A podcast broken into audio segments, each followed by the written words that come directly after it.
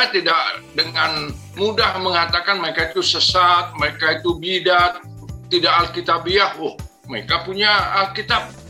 Karena itu yang bisa saya katakan adalah ajaran mereka berbeda dari kita. Praktik hidup mereka atau cara mereka menyelenggarakan kehidupan sehari-hari sebagai pribadi, keluarga maupun organisasi berbeda dari kita. Tapi kita tidak bisa begitu saja mengatakan itu sesat. Saya di dalam buku ini mengatakan yang paling berwenang menyatakan sesuatu itu sesat adalah gereja, termasuk gereja kita ya. Nah, lalu kita periksa di dokumen ajaran gereja kita, ada nggak penegasan yang menyatakan bahwa saksi-saksi Yehova itu sesat? Karena itu kalau misalnya gereja kita, apa pun itu HKBP, GKI, GPIB, dan sebagainya, mau menyatakan itu sesat, tunjukkanlah dokumen gereja yang menyatakan itu dan perlihatkan bukti-buktinya. Ada banyak hal lain lagi yang patut kita pelajari termasuklah keberanian dan kerajinan bersaksi ya.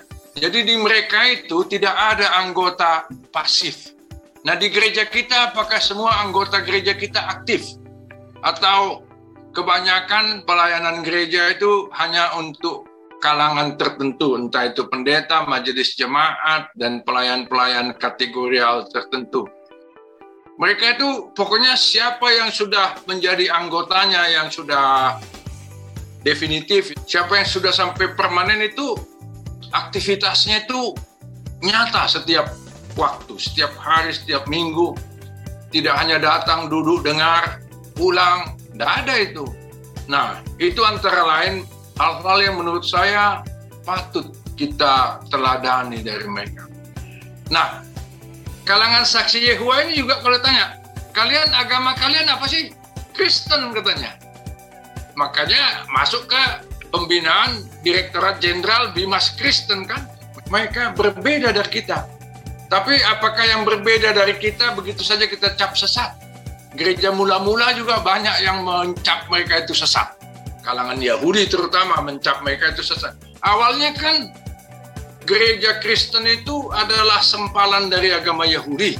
Nah, supaya kita saya tidak mau mengatakan bahwa kita ini juga sudah sesat ya, tapi kita sadari bahwa ketika gereja itu merumuskan ajarannya, menggariskan praksis atau tindakannya, kita sadari bahwa sejak semula itu sudah tidak satu macam. Yang bagi saya paling prinsipil keberatan saya terhadap kalangan saksi Yehua itu bukan soal mereka mengenang kematian Kristus bukan hari Jumat, bukan soal bahwa mereka tidak merayakan Natal, bukan. Bagi saya yang paling prinsipil adalah mereka tidak mengakui Yesus sebagai Tuhan. Karena itu, kalau ada gereja macam-macam ajarannya, macam-macam perilakunya, tindakannya, sistem organisasinya, sejauh mereka mengaku Yesus adalah Tuhan dan Juru Selamat, bagi saya mereka itu gereja Kristen. Jangan lewatkan aliran saksi Yehua dalam kursus Teologi Dasar yang ketujuh STFT Jakarta bersama Pendeta Profesor Jan S. Aritonang PhD, Guru Besar STFT Jakarta, dan penulis buku berbagai aliran di dalam dan di sekitar gereja dan dipandu oleh Yunike Itamar Pairang, mahasiswi Sarjana STFT Jakarta. Simak selengkapnya dalam podcast edukasi series 10 dan 14 Maret 2023 pukul 19 waktu Indonesia Barat di YouTube channel Jan S. Aritonang Official.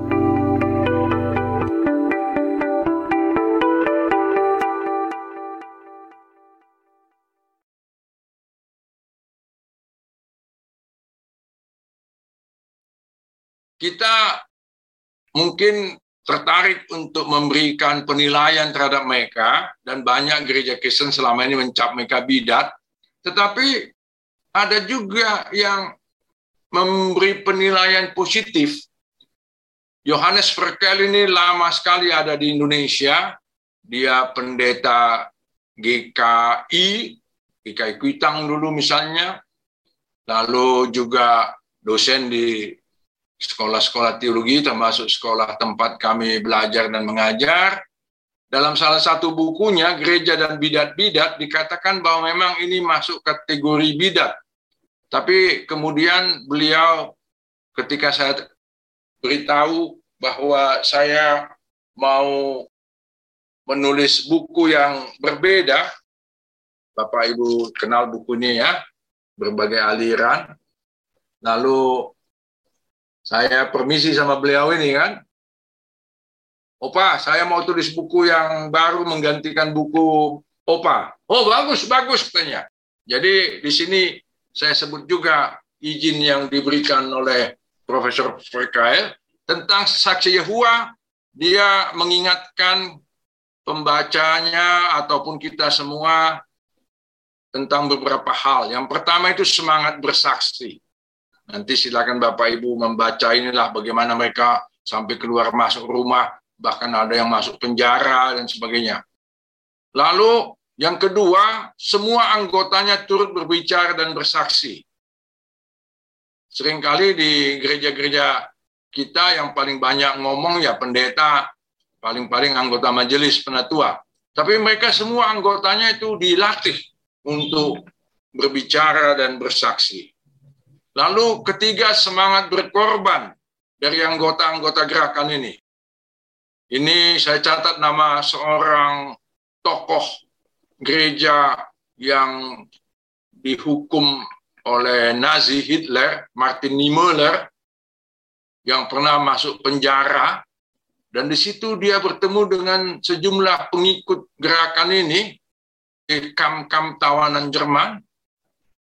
Mereka itu menolak memberi hormat menurut cara Hitler.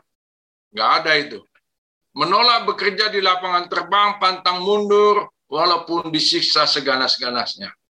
Lalu cara bergaul di antara mereka sangat akrab dan sangat egaliter ya, tidak ada atas bawah. Saya baru baca makalah seorang mahasiswa yang menyapa pemimpin gerejanya, ketua sinodenya yang mulia dan seterusnya. Itu di saksi-saksi Hua tidak ada itu. Lalu sikap terhadap hidup berpolitik, mereka tidak mau berpolitik praktis.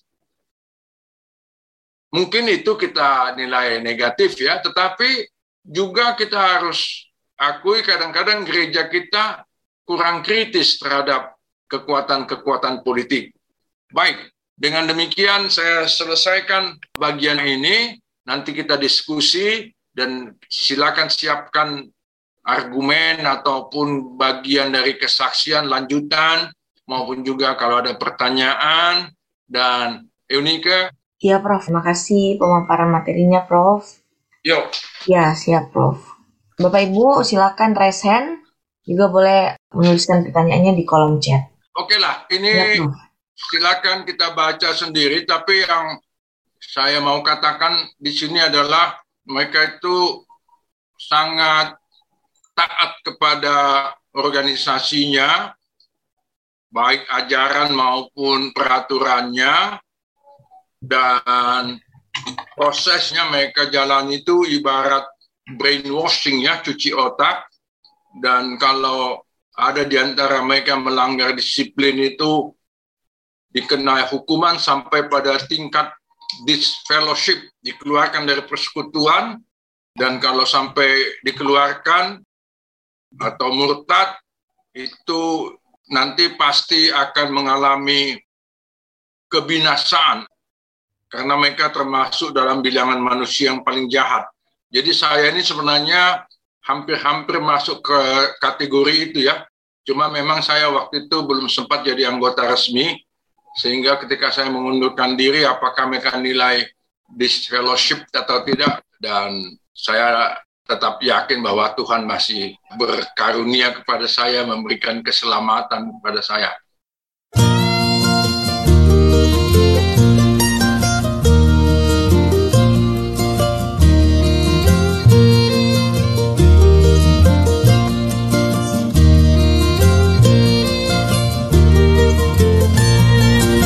Jan S. Aritonang Official, Inspiration, Education, Collaboration. Baik. Baik, Prof. Kita masuk ke masuk sesi tanya jawab ya, Prof. Kita mulai Yuk. dari yang di kolom chat, Prof.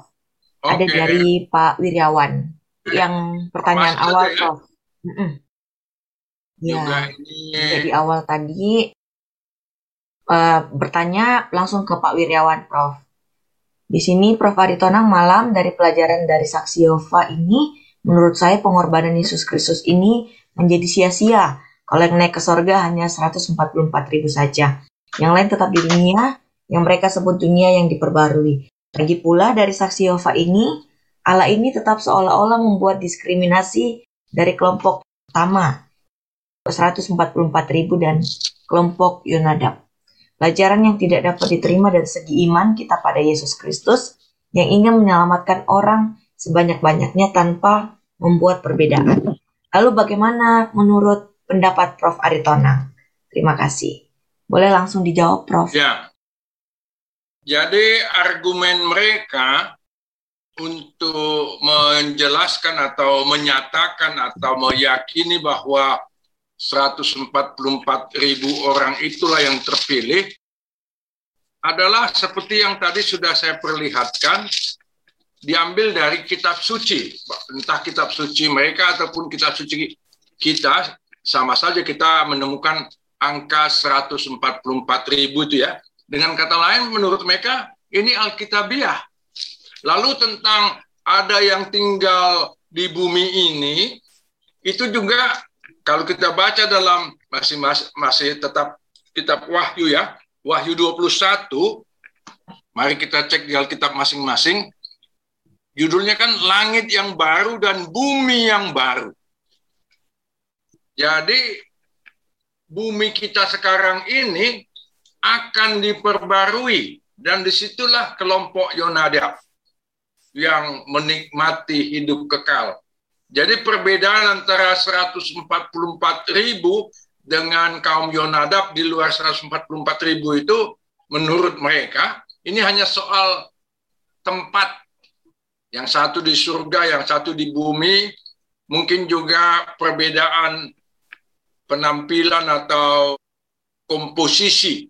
Kalau yang 144 ribu itu kan menjadi roh, tidak punya daging, tulang, dan darah. Sedangkan yang kaum Yonadab di luar yang 144 ribu, tapi juga diberi hidup kekal, bumi baru, ya mereka punya daging, tulang, darah. Nah, kalau misalnya ditanya kita, mana yang lebih baik bagi kita?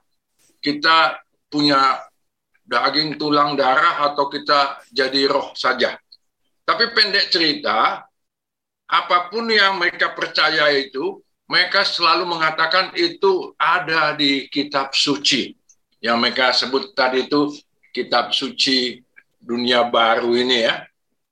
Terjemahan dunia baru.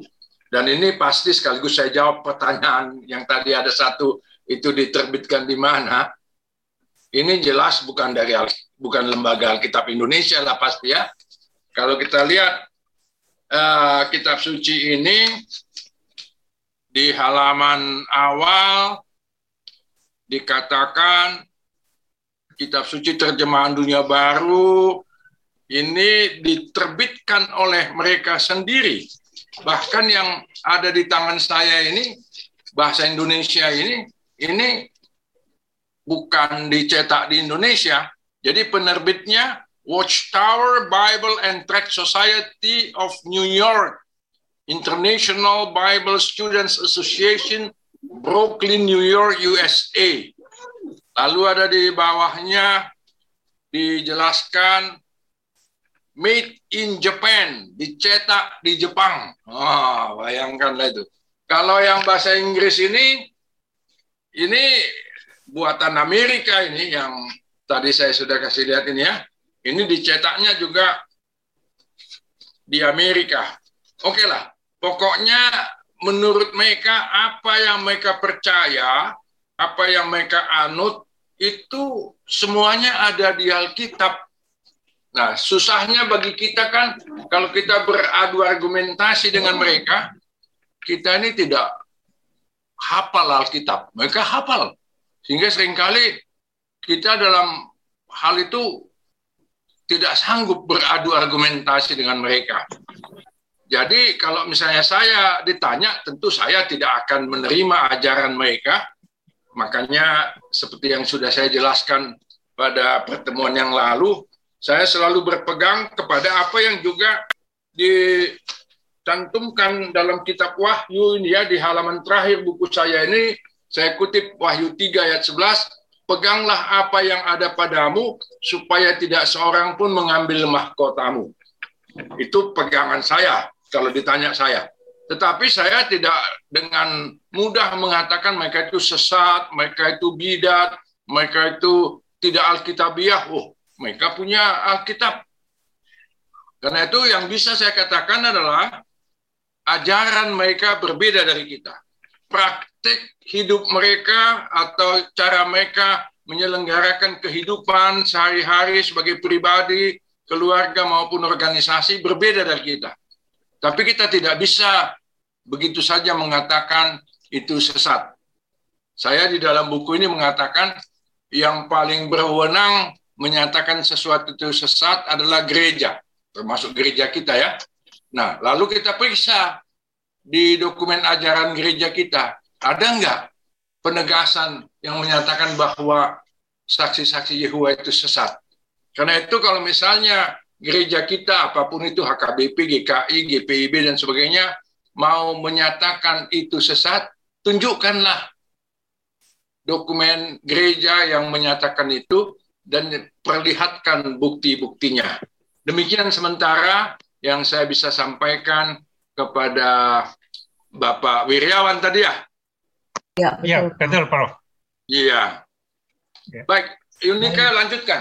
Baik, terima kasih Prof. Pak Wiryawan. Ya. Uh, Prof, kita habiskan yang chat dulu ya Prof. Masih Oke, ada satu. aturlah. Dari uh, Saudara Yos, selamat malam Prof. Terima kasih pemaparannya mau bertanya. Kalau gereja-gereja arus utama dan aliran-aliran gereja lainnya mengalami perkembangan baik ajaran maupun hal-hal ritual seperti peribadahan, perjamuan kudus anak, dan sebagainya, apakah ada perubahan atau perkembangan dalam aliran saksi Yehova ini? Ataukah dari dulu sampai sekarang hanya seperti yang Prof sampaikan? Terima kasih, silakan Prof. Ya, terima kasih. Dari fakta atau data kuantitatif dulu lah ya. Jadi mereka ini mulai tadi di Amerika kan. Tapi bayangkan sekarang mereka sudah menyebar sampai ke berapa negara tadi? 239 negara ya. Itu kan luar biasa perkembangan kuantitatifnya kan. Di Indonesia ini tidak ada satu gereja pun yang anggotanya sampai sejumlah itu. Gereja Katolik yang terbesar di seluruh dunia, anggotanya 1,2 miliar, tapi di Indonesia mereka anggotanya sekitar 7 juta. Artinya lebih kecil dibanding dengan jumlah saksi-saksi Yehova ini secara keseluruhan. Lalu tentang perubahan-perubahan ajaran yang prinsip setahu saya tidak mereka ubah, tetapi ada hal-hal yang praktis yang mereka kembangkan atau mereka tambahkan. Tadi saya sudah menyampaikan misalnya tentang tata cara baptisan. Dulu itu tidak ada semacam katekisasi, sekarang mereka punya katekisasi. Dulu itu tidak ditetapkan siapa yang berwenang memberi baptisan atau melayankan baptisan. Sekarang mereka sudah menentukan itu.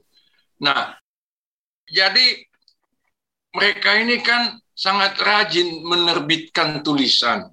Makanya dulu mereka juga sempat disebut agama pos. Waktu itu belum ada internet ya. Mereka itu dari Brooklyn itu mengirimkan literatur ke seluruh penjuru dunia dengan berbagai bahasa jutaan kopi tiap bulan. Bayangkan berapa miliar US dollar itu semua yang mereka keluarkan itu. Nanti kapan-kapan kalau Bapak Ibu punya waktu, coba saksikanlah video tentang kegiatan mereka itu. Itu tidak kita punya waktu untuk menontonnya lebih 50 menit ya. Tapi dari situ kita melihat bahwa mereka terus melakukan kajian, melakukan pendalaman dan mengeksposnya itu melalui macam-macam literatur. Ini satu buku yang belum lama ini mereka terbitkan. Segenap Alkitab diilhamkan Allah dan bermanfaat. Ini dalam bahasa Indonesia tentu, bahasa Inggrisnya tentu ada. Dan ini menjelaskan secara lebih rinci ajaran mereka. Artinya mereka dari waktu ke waktu berusaha mengupdate ajaran mereka, terutama dalam hal penyajiannya. Lalu ini ada buku apa yang Anda bisa apa yang bisa kita pelajari di Alkitab.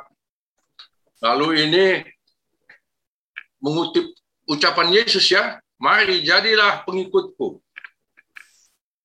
Ini ada buku tahunan, buku kegiatan saksi-saksi Yehua dari tahun ke tahun. Ini yang tahun 2006. Ini apa yang Alkitab ajarkan. Dan seterusnya, banyak sekali. Ini dibagikan ini secara cuma-cuma. Bayangkan berapa banyak biaya untuk mencetak, menerbitkan, dan menyebarkan literatur ini yang sebagian besar dibagikan cuma-cuma, itu menunjukkan bahwa mereka terus berusaha untuk mengupdate, memutakhirkan baik ajaran mereka maupun juga kiprah atau aksi atau tindakan mereka yang direkam dari segala atau dari berbagai penjuru dunia. Nah, itu sementara yang bisa saya kemukakan. Jadi hal-hal yang prinsip yang mendasar tetap, tapi cara menyampaikan, cara mengemasnya itu mereka dari waktu ke waktu terus. Saya mau tantang dulu gereja-gereja kita. Adakah di antara gereja kita yang bisa menerbitkan sekian ratus buku-buku seperti ini dan membagikannya secara cuma-cuma? Supaya kita bisa bersaing dengan mereka. Oke, kita lanjutkan. Baik, terima kasih Pak Yos, terima kasih Prof. Kita beralih ke yang resen, ada Pak Paulus dan Pak Timothy. Untuk pertama, saya berikan kesempatan ke Pak Paulus. Silahkan Pak. Selamat malam Pak Yan. Selamat malam Pak Boes. Mari ya, Pak Paulus. Ya, jadi saya kaget juga dengan Pak Peyan dulu dua tahun itu ada belajar juga pelajaran saksi Yehova jadi betul-betul memahami betul-betul. Lalu saya dengar Bapak ahli sejarah gereja dan banyak sekali literatur. Saya baca dan saya ikuti penyajian Bapak dan saya perhatikan juga komentar dari Bapak Dr. Verkuil dan saksi Yahweh ini. Uh, pertanyaan saya satu, kalau menurut Pak Yan, sebenarnya ada hal-hal positif apa dari gereja saksi Yehova ini yang bisa dicontoh oleh gereja-gereja kita dalam kerangka baik cara kerjanya, pekabaran Injilnya, dan lain-lain. Tentu kalau doktrin kita berbeda dari sisi organisasi dan cara kerja dan lain-lain itu menurut Bapak Yan kira-kira apa yang kita bisa contohi dari mereka? Terima kasih Pak. Ya baik Pak Paulus dan Bapak Ibu sekalian, tadi sebenarnya saya sudah kemukakan beberapa hal ya, tapi tidak salah kalau saya ulangi kembali antara lain mengutip atau mengacu kembali kepada apa yang dikatakan oleh Opa Verkail itu Tentu tidak semua hal perlu kita contoh dari mereka. Misalnya tentang pemahaman mereka tentang darah. Bayangkan kalau kita ini dilarang menjadi donor maupun resipien, penerima ya. Betapa banyaknya orang yang mati tidak tertolong karena tidak bisa memberikan atau tidak bisa menerima darah. Untuk apa? Palang Merah Internasional maupun Palang Merah Indonesia ada kalau itu transfusi tidak dibenarkan. Jadi tentang hal itu saya katakan kalau dalam pertemuan dengan mereka saya katakan saya tidak bisa terima kalian punya doktrin dan sikap ini. Juga tentang menghormat bendera. Sebenarnya itu kan tindakan simbolik ya. Yang kita hormati bukan Tuhan tapi kita mau menghormati dan menghargai negara kita dengan simbol-simbolnya, apakah itu bendera merah putih, apakah itu uh, dasar negara Pancasila, dan sebagainya. Tetapi dalam banyak hal kita juga harus akui hal-hal yang patut diteladani dari mereka. Saya mau tanya Pak Paulus, Pak Paulus, berapa anggota Gemit? Banyak, Pak. Gemit okay. banyak. Berapa banyak yang sudah selesai baca Alkitab? Berapa banyak yang sudah selesai mempelajari dan membaca? Nggak usah dulu mempelajari mendalam, ya, membacanya saja. Saya kira tidak banyak, Bapak. Tidak banyak. Halo. Nah, mereka itu dalam hal membaca Alkitabnya mereka itu sejak yang anak-anak, bayangkan saya dulu di training mereka kan masih SMP ya. Kalau sudah dewasa dipastikan mereka mungkin sudah lebih dari tiga kali selesai hmm. membaca Alkitab. Nah, ini justru dorongan kepada gereja-gereja kita. Entah itu dengan mengundang warga kita ke sekolah minggu kah, katekisasi kah, ibadah uh, kategorial kah, dan sebagainya. Jadi kalau urusan membaca Alkitab, kita jauh kalah dari mereka. Lalu yang tadi saya sebut juga, kerelaan berkorban. Mereka itu tidak takut mati. Dan tidak takut dipecat. Dan mereka juga tidak dibayar untuk mengerjakan pekerjaan mereka. Ya. Kalau saksi-saksi Yehua ini sama seperti itu juga aktivis di gereja Mormon yang kita tidak bahas, itu tidak digaji. Jadi mereka misalnya menyediakan waktunya setahun penuh atau enam bulan penuh atau dua tahun, itu tidak dapat digaji. Bahkan mereka memberikan banyak dari penghasilan mereka itu lebih dari perpuluhan yang mereka berikan itu. Jadi mereka itu ya, misalnya saya berkenalan lah dengan kawan-kawan aktivis saksi Yehua di Indonesia ini khususnya di Jakarta.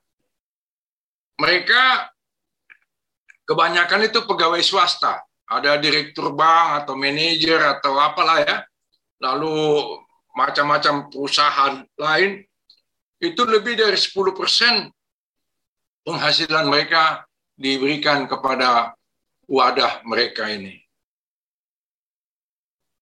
Ada banyak hal lain lagi yang patut kita pelajari, termasuklah keberanian dan kerajinan bersaksi ya.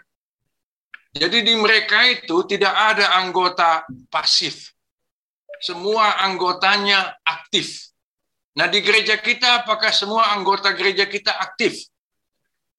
Atau kebanyakan petugas atau pelayanan gereja itu hanya untuk kalangan tertentu, entah itu pendeta, majelis jemaat, dan pelayan-pelayan kategorial tertentu. Mereka itu pokoknya siapa yang sudah menjadi anggotanya yang sudah definitif ya, permanen. Saya waktu itu belum sampai sampai ke situ ya. Siapa yang sudah sampai permanen itu aktivitasnya itu nyata setiap waktu, setiap hari, setiap minggu. Tidak hanya datang, duduk, dengar, pulang. Tidak ada itu. Nah, itu antara lain Pak Paulus dan kawan-kawan sekalian, hal-hal yang menurut saya patut kita teladani dari mereka. Nah, catatan sampingan tentang ini, kalau kita pergi ke balai kerajaan tempat mereka beribadah, ikut beribadah mereka, tidak ada itu kantong kolektor diedarkan di dalam ibadah mereka. Di pintu masuk atau pintu keluar tempat ibadah mereka itu ada peti. peti sumbangan sukarela. Di situ saja mereka sampaikan atau mereka transfer dari bank. Jadi tidak ada diedarkan kantong kolektor seperti di gereja kita. Mereka nggak ada itu. Nah, mari kita timbang sendiri lah ya. Oke, sekarang Pak Timothy nah, Ivan ya, Yunika. Ya, benar Prof. Silahkan Pak Timothy. Ya, terima kasih. Selamat malam Prof. Selamat malam Bapak Timothy. Ya, uh, yang pertama mungkin saya ingin menanggapi dulu. Uh, kalau dilihat dari apa yang Prof sampaikan tadi, juga di makalah, itu jelas di bagian pertama uh, ajaran mereka tentang Allah, dinyatakan di situ dalam makalah Prof bahwa mereka menolak doktrin Trinitas dan juga inkarnasi begitu. Nah, uh, menurut saya ini sudah menjadi sebuah fakta di mana kita bisa menyatakan bahwa saksi Jehovah ini memang berbeda dengan uh, apa gereja uh, yang kita percaya gitu ya. Karena uh, dua kebenaran itu yaitu Trinitas dan inkarnasi merupakan kebenaran hakiki atau pokok yang dipegang oleh gereja-gereja uh, dan kita juga bisa memakai itu sebagai uh, benchmark uh, menyatakan bahwa apakah gereja itu uh, sesat atau tidak begitu. Nah, dengan saksi Jehovah menolak itu, ini jelas uh, menunjukkan bahwa mereka berbeda dengan apa eh, gereja-gereja uh, yang ada secara umum gitu. Lalu juga tadi Prof singgung bahwa mereka nggak percaya Alkitab kita karena katanya itu sudah diselewengkan ya di di apa di di ada kekeliruan terjemahan. Nah, kekeliruan. Nah, lalu yang ketiga uh, kalau saya lihat dari pertimbangan Prof yang positif tadi di akhir ya, ya sikap rela berkorban, sikap bersaksi, cara hidup bergaul yang akrab. Itu saya teringat dengan uh, gereja mula-mula gitu. Jadi hmm. ciri-ciri ini uh, sangat apa uh, sangat sesuai dengan ciri-ciri uh, yang ada di gereja mula-mula kisah para rasul 2, kisah para rasul 4. Nah, saya jadi berpikir, apakah mereka punya semangat itu karena mereka memang dicap tanda kutip sebagai bidat atau sesat. Karena kita tahu gereja mula-mula juga dicap sesat oleh orang-orang Yahudi, oleh orang-orang yang menganut Taurat gitu, dianggap sekte itu, orang Kristen itu. Nah, saksi Jehovah juga apakah karena mereka memang spiritnya itu dianggap sekte, lalu mereka menjadi militan seperti itu. Nah, eh, lalu kita ingat juga ketika Protestan muncul juga militannya luar biasa di hmm. abad ke-15. 16. macam. Ya, John Wesley dan segala macam. Iya. Nah, lalu ketika sudah mapan, sudah diakui oleh negara, ya mereka jadi melempem gitu. Semangat bersaksinya jadi berkurang, terus cara hidup yang kekeluargaan juga hilang begitu. Nah mungkin gereja-gereja ini ya perlu juga gitu ya, bagaimana uh, mengalami stigma ya sebagai sesat untuk mereka bisa jadi militan. Ya saya coba menghubungkan seperti itu, Prof. Ya itu aja, Prof. Terima kasih, Prof. Baik, langsung ya Yunike ya. Silakan. Ya. Pada sesi pertama kita bertemu tanggal berapa itu Yunika? Nanti ya. bisa dicek Yunika ya. Bulan Oktober kah waktu itu? Iya, Prof. Uh, saya sudah beri catatan atau sampaikan bahwa sejak gereja berdiri itu di Yerusalem kan dan seterusnya berkembanglah ke berbagai daerah sudah tidak satu lagi ada yang meneruskan tradisi Yahudi, ada yang tidak meneruskannya, terutama mereka yang dari kalangan Yunani Romawi. Dan di antara mereka itu saling menyesatkan juga. Yang yang tidak setuju dengan yang satu dianggap sesat gitu ya. Maka perlulah ada persidangan. Itu dicatat di Alkitab kita di kisah para Rasul 15 ya sidang di Yerusalem untuk membahas hal-hal yang berbeda. Lalu apa keputusannya? Sepakat untuk tidak sepakat. Jadi artinya ya gereja masing-masing melanjutkan praktiknya, ajarannya, dan seterusnya. Bahkan juga termasuk tata cara melembagakan atau mengorganisasikan diri. Makanya sekarang kita lihat tata laksana atau sistem penataan gereja kita kan macam-macam. Paling kurang ada delapan. Ada kongregasional, ada presbiterial, ada sinodal, ada episkopal, sampai yang papal. Papal itu di gereja katolik ya. Banyak lagi perbedaan di antara, bayangkan Pak, 41 ribu lebih organisasi gereja di dunia ini. Nah, tentang Trinitas, sampai sekarang pun ada banyak gereja yang menyebut diri gereja Kristen tidak menerima doktrin Trinitas. Misalnya Unification Church, ini antara lain juga yang meneruskan ajaran dari Arius, Arianisme. Bapak tahu ya, di Alkitab kan tidak ada istilah Trinitas. Tidak ada istilah Tritunggal atau Ketritunggalan. Istilah itu kan baru dimunculkan oleh Tertullianus Origenes abad ketiga, lalu disahkan itu di Konsili Nisea tahun 325, dipertegas lagi di Konsili Konstantinopel 381. Tetapi tidak semua gereja ikut dalam atau menerima keputusan dari sidang-sidang yang kemudian disebut konsili ekumenis itu. Sampai sekarang banyak gereja yang bercorak Aryan, menerima ajaran Arius. Tapi mereka tetap menyebut kami gereja Kristen. Nah, kalangan saksi Yehua ini juga kalau tanya, kalian agama kalian apa sih? Kristen katanya. Makanya masuk ke pembinaan Direktorat Jenderal Bimas Kristen kan. Kalau mati dikubur di kuburan Kristen, mereka tidak bikin kuburan sendiri, walaupun tidak pakai tanda salib yang vertikal horizontal itu. Nah, saya sangat terkesan tadi waktu Bapak mengatakan mereka berbeda dari kita. Itu juga sudah saya katakan tadi kan, mereka berbeda dari kita. Tapi apakah yang berbeda dari kita begitu saja kita cap sesat? Kita juga, tadi Bapak sudah katakan, gereja mula-mula juga banyak yang mencap mereka itu sesat. Kalangan Yahudi terutama mencap mereka itu sesat. Awalnya kan gereja Kristen itu adalah sempalan dari agama Yahudi. Bayangkan Alkitab kita ini kan dua bagian. Perjanjian lama, perjanjian baru. Perjanjian lama itu kan Alkitab Yahudi itu. Kitab suci orang Yahudi, tapi kita ambil itu. Nggak permisi kita mengambil itu. Nah, supaya kita, saya tidak mau mengatakan bahwa kita ini juga sudah sesat ya, tapi kita sadari bahwa ketika gereja itu merumuskan ajarannya, menggariskan praksis atau tindakannya, kita sadari bahwa sejak semula itu sudah tidak satu macam.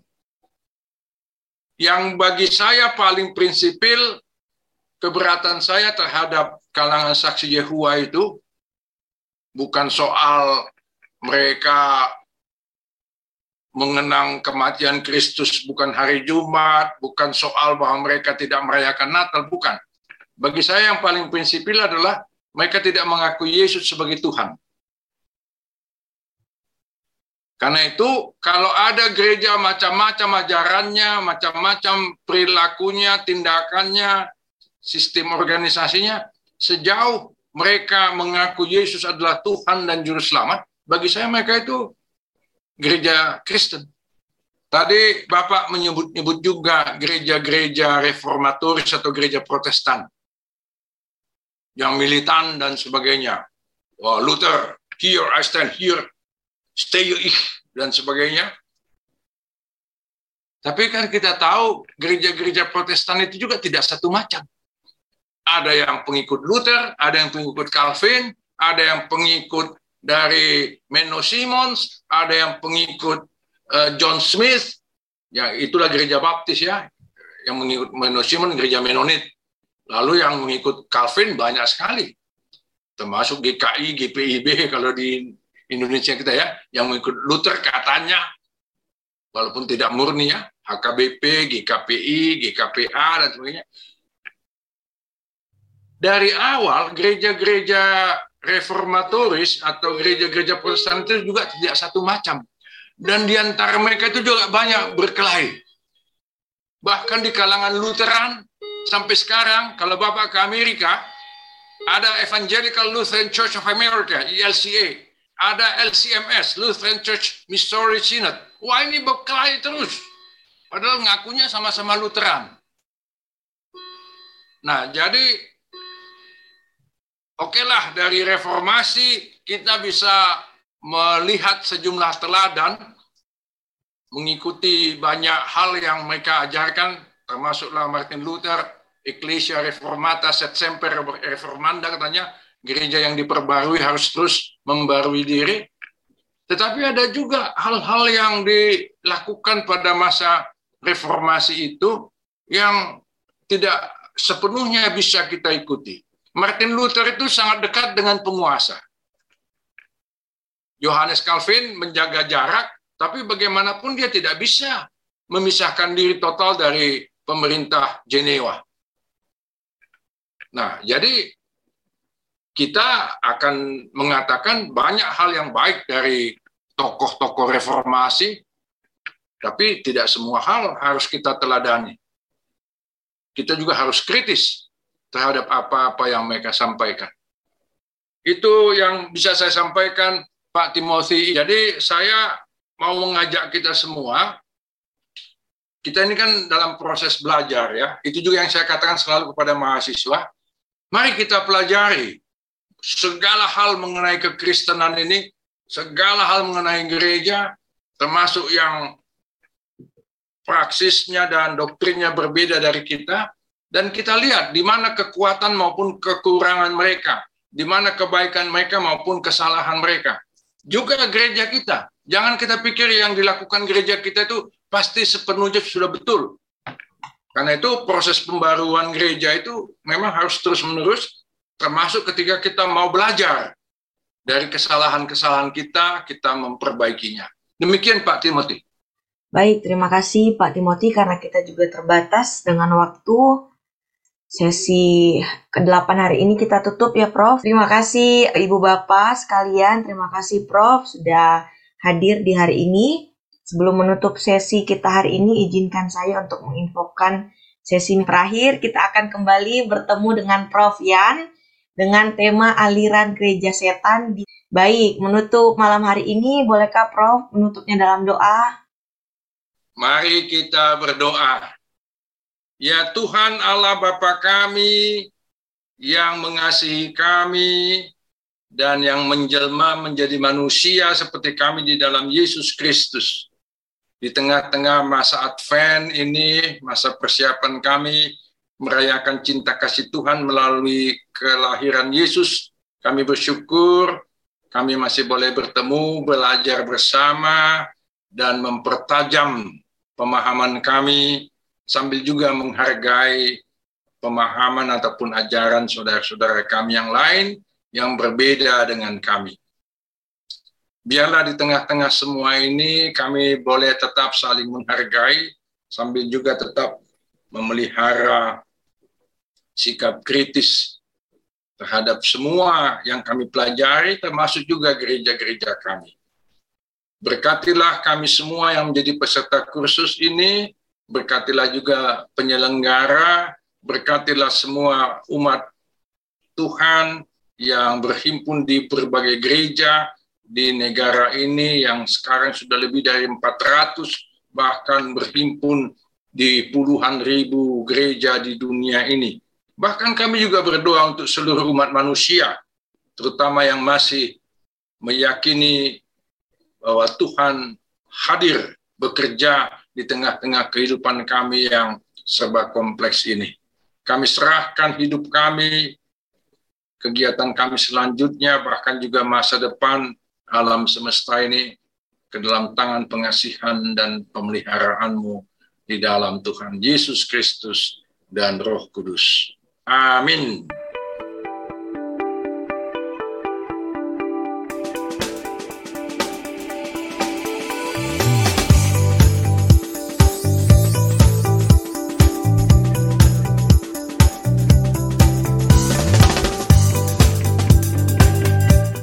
Salah satu buku Pak Yan yang paling sering saya pakai dan berguna buat saya dan tentu banyak orang lain adalah berbagai aliran di dalam dan di sekitar gereja yang ditulis dengan sangat mendalam berbasis riset yang sangat luas tetapi juga objektif dan kritis. Dalam berbagai kesempatan pendidikan dan pembinaan yang saya lakukan di sekolah-sekolah teologi dan di gereja-gereja, saya biasa mempromosikan karya-karya Dr. Aritonang. Khusus di gereja, ada kebiasaan dan kecenderungan untuk mempersoalkan perbedaan-perbedaan antara gereja atau denominasi. Buku lama Pak Aritonang yang masih terus dicetak ulang oleh penerbitnya merupakan buku yang selalu saya anjurkan untuk dibaca, dimiliki, bila bukan secara pribadi, minimal oleh perpustakaan gereja, yaitu berbagai aliran di dalam dan di sekitar gereja. Saya menganjurkan buku ini karena saya menyukai pendekatan yang dipergunakan Profesor Aritonang. Beliau tidak lagi menggunakan pendekatan usang yang menganggap perbedaan dan keragaman di dalam kekristenan sebagai alasan untuk menghukum bahkan mengutuk yang berbeda yang berbeda biasa disebut sebagai sesat atau bidat. Hal ini mempersulit dan menjebak gereja-gereja untuk terus hidup dalam permusuhan internal. Perbedaan dan keragaman yang sedemikian banyak dan rumit memang merupakan persoalan klasik bagi protestantisme sejak lima abad yang lampau. Oleh karena itu, pendekatan permusuhan dan penghakiman sama sekali tidak menolong dalam menanggapi perbedaan yang ada. Semangat dan pendekatan yang dipergunakan Dr. Aritonang dalam bukunya itu kiranya dapat menolong gereja-gereja untuk saling lebih memahami satu sama lain. Bagi saya, buku ini layak menjadi salah satu kanon atau buku standar dalam kekristenan, minimal di Indonesia. Halo, saya adalah Kevin Nobel. Saya adalah peminat dan pembaca Profesor dan Pendeta Jan Aritonang. Saya juga membaca buku beliau tentang denominasi-denominasi dan aliran gereja. Saya pribadi adalah lulusan dari UI. Di situ ketika saya masuk ke dalam masa di dunia kampus, saya menemukan banyaknya ragamnya persaudaraan di dalam Kristus. Mulai dari teman-teman Katolik, Baptis, Karismatik, dan lainnya, saya mulai belajar tentang denominasi di situ dan saya sangat banyak dibantu oleh buku Bapak Jan Aritonang. Jadi terima kasih Bapak atas buku-buku tersebut. Semoga buku yang publikasikan dapat menjadi sebuah buku pengantar dan pangkalan pengetahuan dasar bagi orang-orang Kristiani di negeri ini untuk saling memahami satu dengan yang lain, saling bergumul dan juga untuk melayani Tuhan bagi gereja dan juga bangsa. Terima kasih. Diterbitkan oleh BPK Gunung Mulia, www.bpkgunungmulia.com.